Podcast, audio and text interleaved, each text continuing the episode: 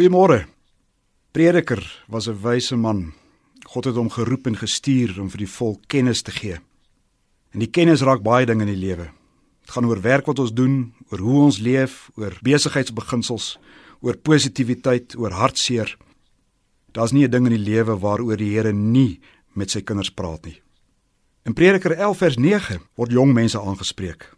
Wonderlik, die Here vergeet nie die kinders en die jeug nie. By monde van prediker praat die Here baie direk en baie reguit met jong mense.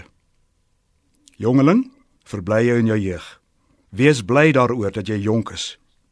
Geniet die feit dat die Here vir jou 'n jong mens lewe vol lewenslus en potensiaal gee. Soek en vind vreugde in jou jeugdigheid. Hierdie opdrag is belangrik. Dis 'n basis wat seuns en dogters ter harte moet neem. Want is dit nie dikwels so dat ons wens om groot te wees nie? Die seentjie van 3 wil nie hoor dat hy klein is nie. Hy wil groot wees soos sy ouboet van 10. En ouboet van 10 wil groot wees soos sy neef van 20. Hoekom? Omdat vir 'n kind die dinge vorentoe soveel lekkerder lyk as dit wat hy nou het. Vir die kind van 3 lyk dit lekker om al 10 te wees en dinge te doen wat 'n 10-jarige kind doen. Maar as hy die dag 10 is, dan lyk die prentjie anders. Dan is 15 of 20 weer soveel beter. Moedig ouers hulle kinders nie hierin aan nie. Pa en ma sien mos dan uit dat baba moet begin kruip. En as hy kruip, sal dit wonderlik wees as hy opstaan en as hy sy eerste treetjies gee. En dis nie verkeerd nie. Daar moet vooruitgang wees. Dis deel van die wonder van kind wees.